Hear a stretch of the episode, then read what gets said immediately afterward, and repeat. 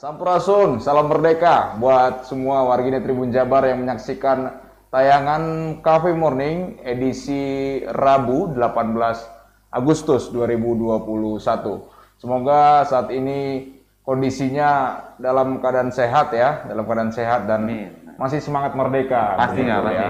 Dan jangan lupa untuk tetap melaksanakan protokol kesehatan secara ketat dan disiplin agar pandemi ini segera berakhir dari kita. Ya, pada program Cafe Morning di edisi Rabu 18 Agustus ini, kita kedatangan tamu ya dari Pegadaian. Nanti kita akan mengupas ah, seperti apa sih dan apa itu kreasi ultra mikro. Ya, telah hadir di studio Tribun Jabar Bapak eh, Arif ya, Bapak Arif Budiman selaku Kepala Cabang Bisnis Mikro Purwakarta. Selamat pagi, salam sehat Pak. Selamat pagi Kang Daniel. Oke. Ya, dan yang kedua adalah Bapak Ari Ferrari selaku Relationship Manager. Selamat, pagi, Kang salam Daniel. sehat. Selamat pagi. Oke, ya. Baik, Tribuners di mana pun berada, eh, tayangan Cafe Morning ini akan bisa disaksikan oleh Tribuners pada YouTube dan Facebook Tribun Jabar. Oke, langsung saja kita eh, berbincang-bincang ya, berbincang-bincang tentang apa sih sebenarnya kreasi ultra mikro ini gitu ya. Nah, mungkin eh, ke Pak Arif atau Pak Ari ya. Sebenarnya kalau pegadaian ini kan sudah ratusan tahun ya, Betul. ratusan tahun di Indonesia dan melayani. Nah, Iya. ini ada yang mau kita tanyakan adalah sebenarnya perbedaan dari usaha mikro dan usaha kecil itu seperti apa sih, Pak? Baik, Pak. baik. Terima kasih Kang Daniel. Eh, jadi Tribunars, eh, selamat pagi. Mungkin sedikit kami sampaikan juga Ya. sebagai informasi juga buat Tribunars semua. Kadang kan di masyarakat masih bingung apa sih usaha mikro sama usaha kecil apa sih bedanya Ya, gitu kan gitu. Nah sebenarnya itu ada sedikit perbedaan Mm-hmm. eh, yang terkait dengan eh, nominalnya saja. Mm-hmm. Eh, karena menurut Undang-Undang Nomor 20 Tahun 2008 terkait UMKM Mhm. yang membedakan itu usaha mikro itu aset bersihnya 50 juta Hmm. dan omset per bulannya itu maksimal 300 juta kan. Oke. Gitu. Itu. Kemudian kalau untuk usaha kecil asetnya itu 50 juta sampai 500 juta dan omsetnya itu dari 300 juta sampai 2,5 miliar. Ya mungkin kalau di masyarakat kita bisa ngelihat ya Kang gitu. Mana sih yang usaha mikro, mana usaha kecil gitu. Ya seperti contohnya di pasar banyak pedagang, bakulan, gerobak. Nah itu yang dikategorikan mikro. Oke. Kemudian kalau yang seperti home industry baik dia produksi, mungkin kalau di sini Cibaduyut ya Kang, nah itu eh, cocoknya masuk usaha kecil gitu kan kategorinya betul. Nah tapi ya sama-sama karena usaha mikro sama kecil kan di masa pandemi ini salah satu yang menopang perekonomian Indonesia Kang gitu. Di- Kemarin di saat ppkm, psbb banyak usaha-usaha besar yang terdampak, bahkan seperti mall banyak yang tutup gitu. Tapi kan kita melihat di masyarakat mereka masih bisa berproduksi gitu usaha kecil. Karena ya kembali lagi usaha mikro sama kecil itu kan yang sangat menopang dan memang sebagian besar dibutuhkan oleh masyarakat gitu kan. Tuh. Makanya pegadaian concern terhadap usaha mikro dan kecil ini karena kembali lagi pegadaian sebagai salah satu BUMN yang memiliki misi untuk mengembangkan perekonomian Indonesia otomatis harus concern juga gitu kan. Nah seperti itu kan gitu perbedaan antara usaha mikro dan kecil. Oke, berarti artinya bisa dibedakan dari eh, modalnya mungkin ya, Betul, modal Kang. awal seperti apa dan aset-aset yang dimiliki. Betul, ya. betul Kang. Oke. Perbedaan. Jadi itu Tribuners jadi jangan sampai salah lagi ya, karena perbedaannya tipis ya. tipis betul Perbedaannya Kang. sangat tipis sekali. Oke. Oke, Kang. Ini terkait dengan usaha mikro Betul. tadi ya gitu. Di Pegadaian sendiri itu apakah memiliki atau memberikan produk untuk eh, pembiayaan modal untuk usaha-usaha mikro ini? Hmm, Betul. Baik, eh, di Pegadaian ada ya kembali lagi sebagai salah satu agen pemerintah gitu Pegadaian secara eh, otomatis menyediakan layanan atau produk yang dikhususkan untuk usaha kecil dan mikro gitu Ya. kan. Namanya kalau di Pegadaian itu eh, kreasi ultra mikro itu nama untuk produknya kan gitu. Kenapa dinamai ultra mikro? Karena dibatasi. Kembali lagi tadi ada omset maksimalnya itu 300 juta. Makanya pembiayaannya pun dibatasi maksimal sampai dengan 10 juta gitu kan. Ya. Karena seperti kita ketahui, misalkan pedagang-pedagang bakulan atau gerobak atau warungan itu kan skalanya tidak terlalu besar dan kebutuhan modalnya pun otomatis tidak terlalu besar gitu kan. Makanya kita batasi di 10 juta gitu kan, maksimal dari 1 juta sampai 10 juta untuk uh, nilai pembiayaannya Kang. Seperti itu. Ya, boleh dijelaskan Kang sedikit Oh, siap. itu sebenarnya apa sih sebenarnya kreasi ultramikro ini? Baik. Baik, eh, Tribuners untuk kreasi ultramikro itu merupakan salah satu produk pegadaian dengan sistem fidusia gitu. Jadi jaminannya pengikatan secara fidusia dengan jaminan BPKB kendaraan bermotor, baik motor maupun mobil gitu. Kemudian untuk kepemilikannya yang pasti harus milik sendiri ya Kang ya, nggak boleh pinjam punya Ya. orang lain gitu. Karena ya itu tidak, eh, tidak selesai gitu. Jadi nggak boleh pinjam punya tetangganya kek atau punya saudaranya jangan. Jadi milik sendiri meskipun untuk namanya itu nggak apa-apa. Misalkan belum dibalik nama nih, Oke, gitu. itu masih ya. bisa Kang, boleh silakan. Yang pasti harus milik pribadi dulu. Nanti kan Hmm. secara administrasi kami pun perlu membuktikan benar tidak ini milik pribadi mereka. Mungkin nota jual belinya Betul, ada yang lengkap betul, ya. Ya. Nanti harus ada kwitansi jual beli, kemudian dokumen-dokumen pendukung lainnya Hmm. Ya. gitu kan, nah, seperti itu. Nah, untuk eh, sewa modalnya sendiri Kang, Hmm. kami di di Pegadaian menyebut sewa modal itu per bulannya sangat ringan sekali Tribunars Ya. eh, sebesar 1,25 persen per bulan. Per Gitu. bulan, oke. Betul. Dengan administrasi eh, satu persen dari nilai pinjaman. Ya. Jadi misalkan satu juta, administrasinya cuma sepuluh ribuan mungkin ya, ya, gitu. Ringan sekali gitu kan. Karena kembali lagi untuk membantu usaha mikro. Nah, kemudian terkait persyaratan mungkin ya Kang ya. Eh, sebelum ke persyaratan, Oh, kan tadi ini menarik dengan Hmm. BPKB kendaraan nih kan, dan boleh eh, walaupun belum sesuai nama Boleh. diperbolehkan. Ada ada beberapa keringanan-keringanan ya yang ditawarkan dari pegadaian ini. Nah, kalau misalkan eh, untuk pengajuan dengan me- menyimpankan ya Betul. BPKB itu Betul, di pegadaian, apakah ada syarat untuk usia kendaraan? Oh, ya, usia kendaraan dan eh, apabila eh, BPKB nih, apakah motornya juga ikut Oh, disimpankan iya. gitu Iya, ya? iya, iya. Nah, takutnya nih khawatir nih tribuners Betul, yang betul. menyaksikan motor itu digunakan untuk usaha. Iya, gitu. iya. Seperti apa kang? Oh, iya. Silakan. Baik, baik, baik. Terima kasih, Kang. Jadi memang kadang mindset di masyarakat ke pegadaian tuh, wah nggak ada ini, Iya. barang saya disimpan Barang nih. saya di situ, Betul. disimpan nih, gini, Ya, nanti saya nggak bisa berproduksi bisa. atau nggak bisa jualan usaha. Atau jual sayur pakai motor Ah, gitu ya? betul, Gimana. Silakan. Jadi eh, begini, eh, Kang Daniel sama Tribunal. Jadi di pegadaian karena ini sistemnya fidusia, jadi hanya hak kepemilikannya saja yang berubah. Hmm. Ya. Barang jaminan berada di penguasaan nasabah atau Oke. debitur gitu. Jadi Tribunal kendaraannya masih bisa dipakai Masih gitu, bisa nggak usah khawatir. ya. Wah nanti saya nggak kalau saya jamin BPKB, saya nggak bisa jualan dong karena Iya, motornya ditahan motor tidak gitu, gitu kan. Jadi hanya suratnya saja, kepemilikannya saja yang dialihkan gitu Iya. secara sistem fidusia. Jadi setelah tanda tangan akad secara tidak langsung kepemilikan kendaraan itu beralih dari eh, debitur atau nasabah menjadi milik pegadaian. Tapi barang jaminan tetap digunakan oleh Iya. eh, nasabah gitu kan. Nah, seperti itu. Iya. Jadi nggak usah khawatir ya Tribuners. Masih bisa dipakai buat eh, bekerja atau berusaha Betul, gitu. sangat mudah sekali ya. Betul, ya. betul, Oke. Kang. Kalau untuk usia kendaraan, Oh, apakah kendaraan. ada batasnya? Kang? Betul. Atau gimana? Kalau untuk usia kendaraan memang eh, dibatasi ya Tribuners gitu. Untuk usia kendaraan untuk motor itu maksimal 10 tahun terakhir Kang dari tahun 2001 eh 2021 misalkan. Berarti sekitar 2001-an ya Kang. Ya 2011 maaf 2011 gitu Kang. Kalau untuk mobil 15 tahun Kang. Oke. Betul 15 tahun terakhir gitu, betul. Jadi karena kenapa? Eh, karena kan untuk nilai ekonomisnya tuh kan selalu menyusut gitu kan untuk kendaraan bermotor baik motor maupun mobil otomatis kita pun ada pembatasan usia Iya. kendaraan kan. Nah, Oke, gitu. ya ini yang mungkin ditunggu-tunggu dari Tribunus persyaratan nih kan. Persyaratan-persyaratan ya. Iya, iya, iya. Persyaratan-persyaratan apa yang harus dilengkapi dan eh, ya disiapkan oleh eh, calon-calon nasabah ini untuk mengajukan kreasi Betul. ini. Baik, baik. Ya, terima kasih. Sebenarnya persyaratannya sa- sangat gampang sekali Tribuners, Kang Daniel gitu. Ya. Nggak usah ribet-ribet karena kenapa semuanya ada di rumah, Hmm. tinggal difotokopi saja gitu. Contohnya fotokopi KTP suami Ya. istri pasti ada, fotokopi buku nikah ada gitu. Kemudian kartu keluarga pasti ada. Kemudian ada juga eh, STNK dan BPKB-nya sudah pasti. Ditambah mungkin yang harus tribuners atau masyarakat eh, persiapkan ketika akan mengajukan membuat surat keterangan usaha Kang. Surat keterangan Betul. usaha.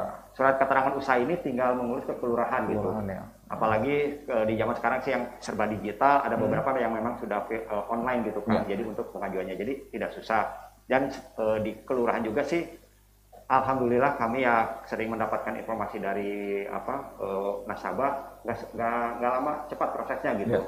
ketika datang paling lima menit sudah selesai gitu SKU-nya nah, dan itu kadang tanpa biaya kang ya. tidak ada biaya sama sekali kembali lagi uh, kelurahan juga uh, apa mendukung gitu kan untuk perkembangan ekonomi gitu. Ya. Jadi secara persyaratan Tribuners itu sangat mudah sekali, tidak ada kesusahan gitu, tidak ada yang harus oh, apa sih yang harus saya lengkapi, yang ya. tidak ada semuanya ada di rumah, hmm. tinggal dipersiapkan saja. Oke, gitu, kan. siap. Jadi sangat mudah ya, ya, yang apa yang ada di rumah nanti akan uh, tayangan ini bisa diulang lagi. Jadi bisa, ya. apa yang disampaikan oleh Pak Arif Budiman tadi bisa disaksikan lagi ya. Siapa tahu uh, Tribuners yang menyaksikan ini saat ini sangat membutuhkan untuk modal-modal usahanya. Betul, betul. Oke, setelah ke persyaratan, mungkin saya ke Kang Ari. Siap. Ya, tentunya uh, di masa-masa sulit sekarang ya, masa uh, pandemi ini, semua sektor itu sangat-sangat terdampak sekarang. Nah, apakah dari uh, pegadaian sendiri atau ya dari produk ini punya keringanan-keringanan semacam promo-promo yang diajukan kepada masyarakat? Ya? Betul, terima kasih Kang Daniel. Jadi uh, sebetulnya untuk promo itu apalagi di masa pandemi ini kita memang sekarang go digital ya. Iya. Biasanya kan promo itu kita uh, istilah tawarkan itu kalau misalkan kita on the spot atau ke hmm. nasabah langsung. Iya. Ketika yang bersangkutan atau calon nasabah itu datang, hmm. kita barulah bilang. Iya. Nah, karena ekonomi sekarang lagi ya bisa dibilang lagi bergejolak. Yeah. Nah kita ada nih bisa via online juga. Hmm. Jadi karena kita masa masih masa ppkm ya, Kang Kang Arif.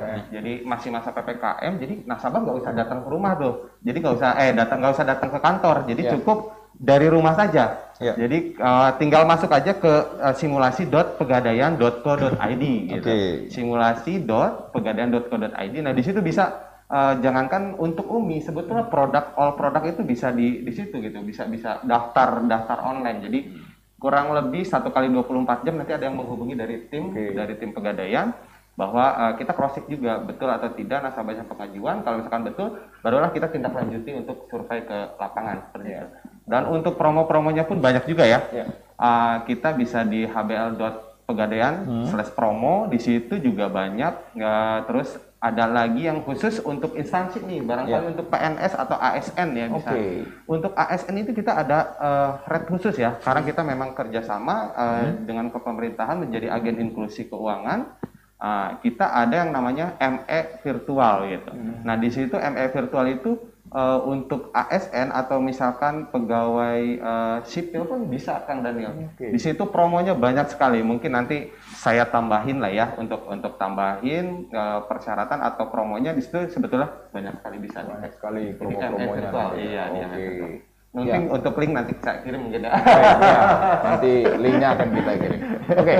ini juga masih berkaitan dengan promo-promo dan siap. tadi uh, menggunakan aplikasi-aplikasi yang digital. Nah, kalau nih ada masyarakat yang mungkin belum bisa beradaptasi dengan kemajuan uh, teknologi, gitu. apakah masih uh, boleh datang ke kantor dan kalau boleh ini jam operasionalnya seperti apa Kang? Apa-apa okay. yang harus dipersiapkan? Gitu. Siap. Untuk terima kasih nih pertanyaan bagus ya hmm. sebetulnya pertanyaan bagus karena kami pun lihat operasional yang memang notabene rata-rata itu kita biasanya standarnya yeah. Kang Daniel. Kalau sebelum ada PPKM Jawa dan Bali ini kita yeah open operasional itu jam 8. Jam 8. Nah, jam 8 uh, eh, selesai atau tutup operasional itu jam 3. Uh -huh. Nah, di masa pandemi atau di masa PPKM ini kita bukanya di jam 9, 9. tutupnya jam 2. Jadi agak uh, bukanya agak lambat satu jam, tutupnya lebih awal ya. Satu jam gitu. Nah, jadi yang harus dipersiapkan calon nasabah itu sebetulnya yang tadi disebutin oleh uh, Kang Arif hmm. persyaratannya itu dan bisa langsung datang on the spot barangkali memang uh, tidak semuanya ya mengerti yeah. digital gitu yeah. barangkali kan memang ada beberapa yang mohon maaf dikata orang tua yang agak ya, sedikit buta digital betul, ya. seperti itu bisa langsung on the spot dan kami pun masih langsung menawarkan promo-promo ini gitu jadi okay. karena memang uh, kita ini memberikan solusi dulu yang termudah gitu barangkali kalau misalkan nasabahnya balik lagi nanti kalau omsetnya sesuai peraturannya atau sesuai persyaratannya uh, atau proseduralnya selesai administrasi masuk definisi itu bisa masuk yang namanya kredit. Oke, ya selain membawa persyaratan yang perlu diperhatikan adalah protokol Betul, kesehatan. betul, betul. Nah, Karena outlet ya. betul, karena memang kalau tidak pakai masker atau tidak cuci tangan dulu, mohon maaf, Oke. tidak boleh datang aplikasi tidak boleh. Dari tim security itu tidak memperbolehkan yang bersangkutan Ya. masuk. Karena kami mendukung prokes. Betul, daripada terhambat lebih baik menaati Betul, betul, protokol betul. gitu ya. Oke, sekali. supaya modalnya bisa cepat Iya, cair iya, gitu ya, Pak, ya. iya. Oke. Karena kesehatan adalah modal utama Betul, ya. betul. Ya, selain itu eh, dilanjutkan dengan model-model dari pegadaian ini. Oke. eh, ke Kang Arif, Bang. Ya. Tadi kita persyaratannya sudah ya tentang promo-promonya udah. Mungkin nanti kita akan flashback lagi di akhir siapa tahu ada tribuners yang baru bergabung. Nah, sebenarnya apa sih keuntungan ya apa keunggulan dari produk ini dan kenapa harus eh, memilih produk ini gitu ya kan Baik, terima kasih. Jadi gini, eh, Tribunars, kenapa apa sih keunggulan dari Ya. pegadaian kreasi ultra mikro ini dibandingkan mungkin dengan eh, produk yang lain gitu? Ya. Pertama, kembali lagi tadi saya sampaikan untuk sewa modalnya itu sangat ringan sekali gitu kan, 1,25% per bulannya. Kemudian secara tenor juga variatif kan, mulai dari 12 bulan, 18 bulan, 24 sampai 36 bulan. Disesuaikan dengan kemampuan dari masing-masing debitur nasabah. Nah, kemudian persyaratan ketiga persyaratannya mudah gitu kan, semuanya ada di rumah gitu, tinggal di fotokopi gitu. Kemudian secara prosedur juga eh, sederhana, artinya kami ada namanya SLA gitu. Nah SLA itu maksimal tiga hari kang. ya Jadi misalkan ada tribuners yang mengajukan hari ini, kami maksimal tiga hari sudah harus follow up. Artinya kebutuhan modal masyarakat juga bisa cepat terpenuhi gitu kan. Iya. Nggak lama, wah misalkan masukkan hari ini perlu modal besok, insya Allah bisa langsung Iya. tersedia gitu kan. Nah itu ke kecepatannya. Kemudian untuk pelunasan nih bisa dilakukan kapan saja gitu sewaktu-waktu. Jadi misalkan eh, pengajuan baru satu bulan, kemudian ada rezeki nih, nasabah bisa melakukan pelunasan bisa, tidak ada penalti kan. oke Adanya diskon. tidak ada penalti Tidak ada penalti. malah dapat diskon Betul, diskon sewa modal Oke. gitu. Nah, itu kan keunggulannya gitu. Makanya kadang nasabah juga, Pak, kalau saya melunasi saya dapat penalti enggak? Enggak, Bu. Malah ada diskon gitu, diskon sewa modal itu keunggulannya. Kemudian mungkin saya juga menyampaikan Kang, satu lagi keunggulan dari pergadaian kreasi ultramikro ini kami ada namanya pendampingan nasabah ultramikro. oke Gitu, salah jadi satu. tidak dilepas gitu aja ya Iya, tidak dilepas begitu aja gitu. Karena kembali lagi sebagai agen dari pemerintah, kami pun berkewajiban menjadi ada misi harus eh, U- UMKM naik kelas gitu, usaha Oke, mikro naik kelas. oke. Nah, ada namanya pendampingan usaha ultramikro. Memang selama pandemi ini kami sedikit terhambat terhambat karena ada pembatasan seperti kegiatan berkumpul gitu. Tapi itu tidak menutup eh, tidak memutus asa kami bisa melakukan secara virtual kan Iya. gitu. Meskipun intensitasnya tidak seintens ketika pertemuan secara offline gitu kan. Tujuannya apa? Tujuannya untuk memberikan edukasi gitu Kang. Edukasi, kemudian eh, penambahan wawasan, penambahan ilmu kepada nasabah. Jadi nasabah itu ketika sudah mendapatkan pembiayaan itu tidak dilepas gitu kan, Iya. tapi diarahkan juga. oke Misalkan kita kasih ilmu pemasarannya kayak gimana dengan harapan misalkan tadinya usahanya dari ya taruhlah lapak biasa Tuh. jadi gerobak dari gerobak Kios, punya kios ya. nah itu kan tujuannya ke sana gitu kan jadi jangan hanya istilahnya melepas saja tapi kita pun membimbing gitu. Oke. Nah itu itu keunggulan keunggulannya dari itu. Dan program pendampingan ini nasabah tidak ada biaya sama sekali Oke, gitu kan gratis. gratis gitu. Oke. nah, artinya kan nasabah atau debitur mendapat modal juga mendapat ilmu juga gitu Oke. kan double gitu. Nah itulah eh, keunggulan-keunggulan dari produk kreasi ultramikro kan yang Hmm. ada di pegadaian gitu. Jadi uangnya dapat ilmunya dapat gitu kan Oke, Gitu. baik, Kang. Ini kan pastinya ada tahapan untuk survei Betul, ya. betul. Nah, sebenarnya apa sih?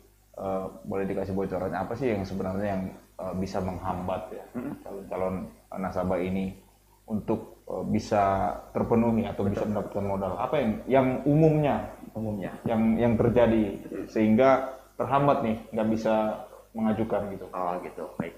Baik, terima kasih Kang Dal. Jadi secara umum eh, masyarakat biasanya secara persyaratan biasanya mem- mem- apa, memenuhi Kang gitu, Oke. karena tidak susah kembali Ya. lagi kan semuanya ada di rumah. Hmm. Tapi ketika kami, terutama tim kami dari tim mikro Ya. melakukan verifikasi ke Hmm. lapangan, memang terkadang banyak bias dalam arti seperti tadi Kang, kadang barang jaminan ada yang milik orang lain, Oke, gitu kan. iya, iya, iya. Atau kemudian ada kadang yang usahanya sedang vakum gitu Ya. kan, sedang vakum uh, akan memulai lagi gitu Ah. kan atau kadang usahanya usaha milik keluarga gitu kan. Nah, kadang hal-hal tersebut kan eh, yang sedikit menghambat gitu kan karena sesuai dengan eh, aturan yang ada Iya. di dalam pegadaian Hmm. semuanya terpenuhi makanya dari awal tribunal dipastikan barang jaminan atau BPKB yang Ya, akan betul. dimasukkan itu milik sendiri gitu. Oke. Karena kembali lagi kan eh, ultra mikro ini karena memang produk dari Hmm. pemerintah jadi Ya. harus tepat sasaran gitu Ya. kan. Artinya memang benar-benar dipergunakan untuk modal kerja gitu. Dan memang untuk mengembangkan usaha gitu Hmm. kan. Makanya takutnya ketika misalkan tidak diverifikasi penggunanya tidak tepat sasaran kan. Oke. Artinya usahanya ya gitu-gitu aja. Itu kan disayangkan padahal tujuannya biar usaha mereka meningkat gitu kan. Oke, ya. Seperti itu mungkin. Ya, tadi menarik nih Pak Arif. Ya. Eh, ini ada juga eh, ASN yang juga eh, mengajukan gitu ya. Betul. Nah, uniknya itu seperti apa sih? Apa ASN-nya memiliki usaha-usaha tertentu atau untuk mungkin ya suami atau istrinya Oh, gitu ya? iya. Seperti apa sih biasanya contoh contoh kasus yang ditemukan di lapangan? Begitu. Oke, Baik. ya. Kalau memang gini Kang di lapangan Hmm. eh, banyak ya yang bekerja memiliki usaha juga gitu Iya. kan. Baik yang bersangkutan maupun pasangannya, Iya. suami atau istri Atau gitu. anak mungkin ya. atau anak gitu kan. Tapi biasanya sih jarang kalau anak biasanya eh, suami istri aja gitu Suami kan istri, pasangannya. Nah, kadang mereka juga ketika kami verifikasi lapangan, kami tanya Bapak Ibu punya usaha? Iya, saya Ya. punya usaha. Karena kecil-kecilan sih nggak besar gitu. Kembali lagi ke pem- industri lah. Baik dia misalkan konveksi atau perdagangan gitu. Jadi mereka punya double gitu. Nah, itu banyak gitu kan ya. Mungkin uh, kondisi seperti ini gitu kan uh, mungkin menuntut masyarakat untuk lebih kreatif gitu Betul, kan. betul. Lebih kreatif untuk mencari sumber pendapatan lainnya itu sangat bagus sekali gitu kan. Jadi tidak meng- menggantungkan hanya ke satu sisi gitu kan. Bukan berarti PNS nggak punya nggak boleh punya usaha, malah Ya. mungkin kalau bisa ya semua, semua karyawan harus punya usaha Ya, gitu kan kan betul, gitu. ya. Karena eh, usaha apa pun yang penting ya kecil-kecilan tapi kan dengan sedikit demi sedikit Hmm. insya Allah berkembang gitu kan menjadi usaha yang maju berkembang gitu. Kembali lagi dengan misi pegadaian untuk eh, UMKM naik kelas itu Ya. kan ya mudah-mudahan bisa ikut membantu gitu para masyarakat atau karyawan yang memiliki usaha untuk maju dan berkembang. Nah, terlebih tadi yang kata Kang Arif bahwa UMKM ini termasuk yang penopang ya di masa pandemi ini ya. betul, betul, di Kang. Indonesia gitu ya. Betul, betul, Kang. Oke, iya. Ini menarik ya Tribuners eh, bahwa semua kalangan masyarakat tapi tentunya harus memenuhi syarat bisa mengajukan dan menikmati produk dari eh, pegadaian ini. Oke, saya mau kembali ke Kang Ari. Siap, Kang ya. Tadi kan sudah disampaikan promo-promo dan eh, bagaimana jam kerja, ya aplikasi-aplikasi yang bisa di eh, diakses ya, diakses oleh calon-calon nasabah ini. Nah, Kang, saya pribadi juga sering menerima ya SMS atau dari media sosial tentang kemudahan-kemudahan juga nih. Betul, betul. Nah, seperti apa nih eh, saran kepada Tribunus yang menyaksikan? Apakah itu benar semuanya gitu ya via SMS? Apakah itu ada unsur eh, penipuan dan sebagainya? Karena eh, berbeda dari apa yang disampaikan Iya, ini gitu. Bahkan lebih murah, lebih gampang banget persyaratan. Seperti apa Kang? Untuk antisipasinya gitu. Oke, untuk antisipasi ya, untuk mungkin Iya. untuk tribuner semua Ah. di Jawa Barat ya.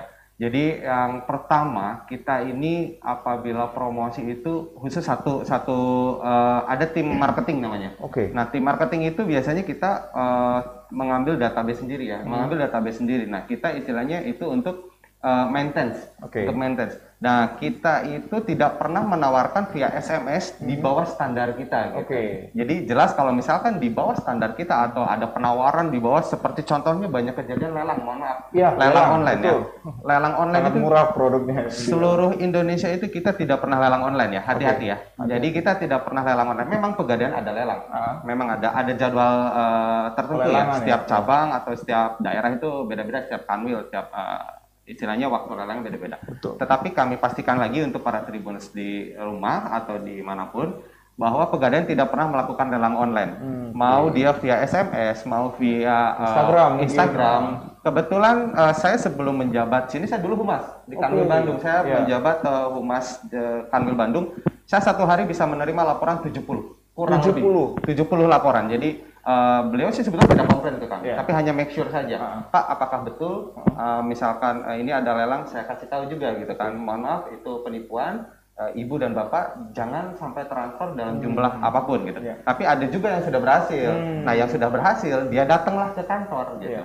bawa bukti transfer dan lain-lainnya bahwa kami juga memberikan solusi karena memang uh, untuk penipuan cyber kami juga sudah koordinasi dengan uh, dinas uh, ataupun dari kepolisian, Kepolisian. dengan kantor pusat ya kantor pusat dengan kepolisian pusat juga dari uh, Metro Jaya bahwa kita uh, yang bersangkutan tertipu beliau harus melaporkan gitu karena kami pun sudah koordinasi dengan pihak-pihak uh, seperti Instagram kita konsultasi bahwa kita mau mereport itu atau melaporkan itu tidak bisa karena mereka bebas menggunakan ID.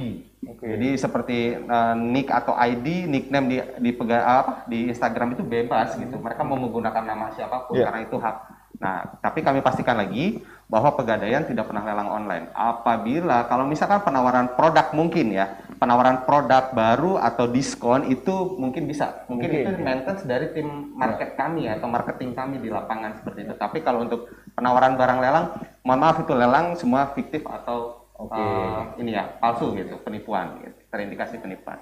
Oke, kalau berarti artinya kalau misalkan di eh, media sosial yang pasti yang terverifikasi ya, Betul, dan betul. itu hanya menyampaikan informasi-informasi Betul. kan ya. Dan kami pun biasanya kita tidak bilang bahwa kita ada lelang, Ya. tapi kita bazar. Nah, Oke. bazar itu mereka datang ke tempat tidak Oke, online. Jadi iya. transaksinya pun kita nggak transfer maupun dia mau coba bilang misalkan dari e-commerce biasanya. Ah. Oke, lewat e-commerce aja deh biar aman. Nah, itu jelas kita pun tidak pernah melakukan seperti itu. Oke. Jadi iya. kalau untuk lelang itu kita misalkan eh, kalau untuk Jawa Barat itu ada Pegadaian Kanwil Bandung itu yang terverifikasi ya. Oke. Jadi kita tidak pernah jual lelang tapi kita memberikan informasi, Informasi. bahwa di hari ini Ada bazar. bazar ataupun ada promo, Promo. sepertinya ada eh, kreasi Umi atau produk-produk lainnya. Kita biasanya upload di situ gitu. Iya, Jadi iya, iya. untuk tanya jawab bisa di Pegadaian Kanwil Bandung.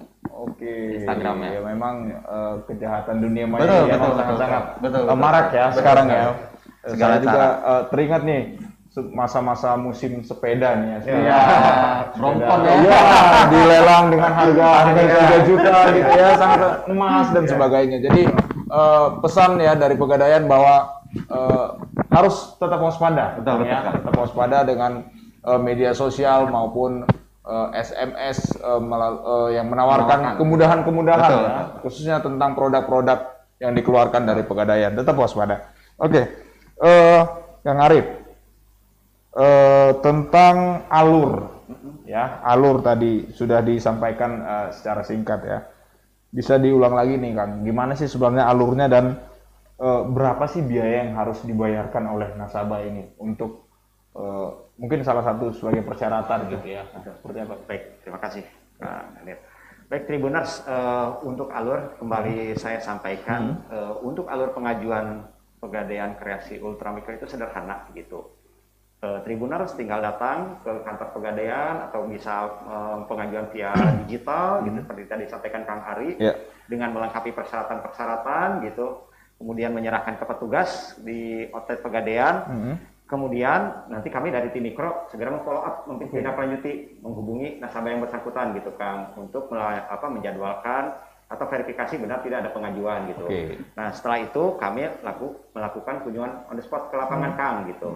Ke lapangan kami verifikasi seperti tadi saya sampaikan apakah benar memiliki usaha atau tidak, barang jaminan milik sendiri atau tidak gitu kan. Kemudian eh, bagaimana eh, analisa keuangannya gitu Ya. kan untuk nanti kami eh, secara scoring gitu kan. Kalau memang semuanya secara persyaratan sudah terpenuhi, selanjutnya ya sudah tinggal proses eh, pencairan gitu kan di outlet pegadaian gitu. Dan maksimalnya kami pun SLA-nya tiga hari Kang gitu. Jadi insya Allah bisa eh, memenuhi kebutuhan tribunals atau masyarakat dalam eh, ke- kecukupan modalnya. Oke. Kalau untuk biaya sendiri, Kang, kami untuk survei dan lain-lain itu tidak ada biaya sama sekali, Kang. Iya. Gratis gitu kan. Jadi eh, ti- kalau misalkan ada yang survei memungut biaya atas nama pegadaian itu tidak, itu salah gitu. Jadi gratis. Tetapi ketika pencairan itu ada biaya administrasi, Kang, sebesar satu persen gitu kan dari nilai pembiayaan. Nah, jadi hanya biaya administrasi saja yang ada di pegadaian, tidak ada biaya lain-lain gitu. Kalaupun ada mungkin biaya notaris gitu Betul, kan, betul. itu pun tidak besar karena pegadaian ultramikro ini karena pinjamannya kecil gitu, maksimal 10 juta itu juga tidak besar gitu. Jadi hanya biaya yang ada di eh, ketika pencairan. Oke. Dan biaya-biaya itu pun eh, transparan gitu Kang. Nanti ada di tanda terimanya biaya administrasi, biaya notaris gitu. Jadi tidak ada biaya kalau ada pungutan di luar itu otomatis itu ilegal gitu kan. Jadi semuanya sudah tersistem karena kembali lagi pegadaian kami harus uh, uh, menjaga gitu kan hmm. secara transparansi gitu ya. Nah, seperti itu. Ya, makasih Kang Arif ya. ya. Nah, ini penting juga nih kepada Tribuners. Mungkin Kang Ari atau Kang Arif ya, ya. untuk menjawab. Nah, kalau kita mau membayar angsuran, hmm. nah seperti apa nih? Apakah ada kemudahan-kemudahan Apakah harus datang ke outlet pegadaian? Apakah bisa via transfer atau ada uh, cara lain? Gitu? Oke, mungkin saya bantu jawab aja. ya, silakan ya, Kak Saya bantu jawab aja. Jadi memang uh, dengan digitalisasi sekarang hmm. atau istilahnya kita masuk era 4.0 uh, yang di mana sekarang serba digital yeah. gitu kan. Bayar di mana pun serba digital. Kita istilahnya dengan contoh-contoh besarnya aja kita mau makan makanan yang datang ke kita gitu. Betul. Nah itu kita pun bisa seperti itu. Jadi uh, para tribuners di rumah atau di mana pun nggak usah datang ke outlet jadi bisa lewat pegadaian digital namanya. Itu uh, aplikasi resmi dari pegadaian. Jadi ada dua ya. Ada ada dua. Yang yang pertama itu adalah pegadaian digital. Itu untuk konven. Semua semua produk konven. Satu lagi adalah pegadaian syariah digital atau PSD itu untuk uh, produk-produk syariah yang uh, transaksi di outlet syariah gitu. Nah jadi uh, transaksi pun atau bayar pun tidak usah ke mana-mana. Kita tuh ada yang namanya agen pegadaian juga gitu. Mungkin di lingkungan rumah daripada jauh ke kantor, ya. ada agen pegadaian bisa bayar di situ. Kita juga kerjasama dengan uh, para agen briling. Kita kerjasama dengan mungkin kita bisa dibilang kayak seperti pembayaran via Indomaret, Alfamart itu kita sudah permudah. Untuk gitu. marketplace gimana kan? Untuk marketplace juga kita ada Ya. Ada. Jadi kita di marketplace juga untuk pembayaran dan lain-lain udah bisa diakses okay. gitu. Ya. Seperti itu. Dan tetap nanti kita virtual account kan. Ya. Pembayarannya via transfer via rekening seperti itu. Okay. Mungkin M banking ya. Zaman ya. sekarang kita M banking jadi nggak usah nggak usah datang ke mana-mana. Kita transaksi di rumah saja. Oke, siap. Makasih Kang Ari. Siap. Oke, terima kasih tidak terasa 30 menit sudah kita berbincang-bincang uh, tentang apa-apa yang menjadi keunggulan-keunggulan dan persyaratan dari produk dari pegadaian ini seperti itu. Nah, Kang Arif, ada yang mau disampaikan lagi kepada Tribuners? Baikin, ya, baik, terima kasih. Jadi Tribuners uh, sekalian, jadi pegadaian kreasi ultramikro ini uh, merupakan produk yang sangat cocok bagi Tribuners Baik. yang memiliki usaha okay. kecil ya. dan mikro gitu. Prosesnya cepat, persyaratannya mudah. Hmm. Kemudian eh, saya sampaikan lagi ya Kang ya, ya. persyaratan hmm. cukup fotokopi KTP suami istri, okay. fotokopi buku nikah, ya. fotokopi kartu keluarga, fotokopi PBB rumah, ke rekening listrik, yeah. dan terakhir surat keterangan usaha gitu. Itu persyaratannya rumah. Apa hmm. persyaratannya mudah. Kemudian secara e, prosesnya juga cepat, maksimal tiga hari kita proses, insya Allah. Jadi kebutuhan modal tribuner sekalian bisa cepat terpenuhi gitu. Yeah. Kemudian ada satu poin yang tadi saya setelah saya setelah apa sudah saya sampaikan. Hmm ada pendampingan gitu. Jadi ada pendampingan, ada pendampingan gratis, gratis ya. gitu. Itu keunggulan dari pegadaian kreasi ultramikro. Jadi untuk tribuners nggak usah khawatir. Ada pendampingan dari tim pegadaian untuk memberikan ilmu, memberikan edukasi, memberikan bimbingan kepada tribuners yang memiliki usaha. Hmm. Tujuannya agar usaha tribuners itu bisa maju dan berkembang gitu. Dan kami mendatangkan pembicara-pembicara yang memang kompeten Kang gitu hmm. di bidangnya. Kadang ada nasabah yang sudah usahanya sudah maju, kami undang sharing dengan eh, nasabah-nasabah kami. Baik. Seperti kemarin di Purwakarta, alhamdulillah menginspirasi gitu untuk nasabah-nasabah dan mereka membuat link akhirnya gitu, minta nomor WA, jadi membentuk jaringan sendiri okay. yang untuk mengembangkan bisnisnya. Nah, seperti itu. Jadi Tribunars, insya Allah kalau misalkan Tribunars mengajukan pegadaian kreasi ultramikro di pegadaian, memberi, mendapatkan banyak manfaat. Modalnya dapat, ilmunya dapat juga gitu. Oke, Seperti itu kan. Tidak akan dilepas begitu aja betul, ya. Mendapatkan modal ya. Iya betul kan. Oke. Tidak akan dilepas. ya, Kang Ari, boleh ya. disampaikan lagi tadi websitenya mungkin okay. ada yang masih belum mengerti dan promonya okay. seperti apa? Untuk promo biasanya kita pasang di uh, mungkin saya saya ejah sedikit ya pelan-pelan ya, ya. Mungkin di HBL HBL, Pegadaian hmm. eh, uh, .id hmm. slash promo. Nah, di situ banyak sekali promo-promo uh, produk kami ya, apalagi yang lagi kita misalkan uh, lagi di bulan ini kita lagi lagi up nih, lagi up misalkan promonya lagi gila-gilaan. Hmm. Contohnya kalau misalkan di mall-mall itu adalah Shell. Okay. Mungkin mungkin Shell. Nah, kita juga ada nih Shell. Jadi promo-promo khusus gitu. Contohnya sekarang ini apabila ASN transaksi hmm. di luar kredit ya, Kang. Yeah. Uh, karena kita lagi di bulan Agustus sekarang, telah hmm. di masih uh, masuk ke kemerdekaan hmm. RI Jadi kita memberikan fasilitas cashback 100.000 untuk ASN apabila dia eh, ada pembelian atau cicilan emasku. Oke. Nah, cicilan emas. Nah, kalau apa pun eh, dan kalaupun mau pengajuan itu bisa lewat situ. Jadi hbl.id eh, hblpegadaian.id.promo ya, bisa di situ ataupun di ME virtual pegadaian. Itu bisa semua di situ. Apabila masih bingung, Ah. masuk aja website pegadaian.co.id lebih mudah. Oke, di sana semua ada Di ya. situ semua. Tapi itu kan Selindo ya, Ya. itu Selindo. Karena memang kalau untuk Selindo itu promonya hanya untuk up cover coveragenya Ya. Selindo gitu. Tapi kalau khusus di Jawa Barat masuk lagi ke HBL Pegadaian. Oke, terima kasih untuk Pak Arif Budiman ya, Siap. terima Siap. kasih Kang Ari Siap. juga terima kasih atas waktunya dan informasi-informasi yang cukup menarik ya bagi eh, kita semuanya khususnya Tribuners yang berencana untuk eh, mengembangkan ya usahanya seperti itu. Oke, eh, demikian Tribuners program Cafe Morning edisi Rabu 18 Agustus dengan Pegadaian Talk yang tentang kreasi ultra mikro ya. Eh, untuk informasi-informasi selanjutnya atau mungkin yang ada yang terlewat bisa mengulangi tayangan ini ya yang akan tayang kembali tayang ulang pada YouTube dan eh, Facebook Tribun Jabar ya. Jangan lupa tetap menerapkan protokol kesehatan di tengah pandemi. Kita sama-sama berdoa agar pandemi ini segera berakhir dan kita kembali beraktivitas secara normal seperti itu Kang ya. Tetap sehat buat Siap.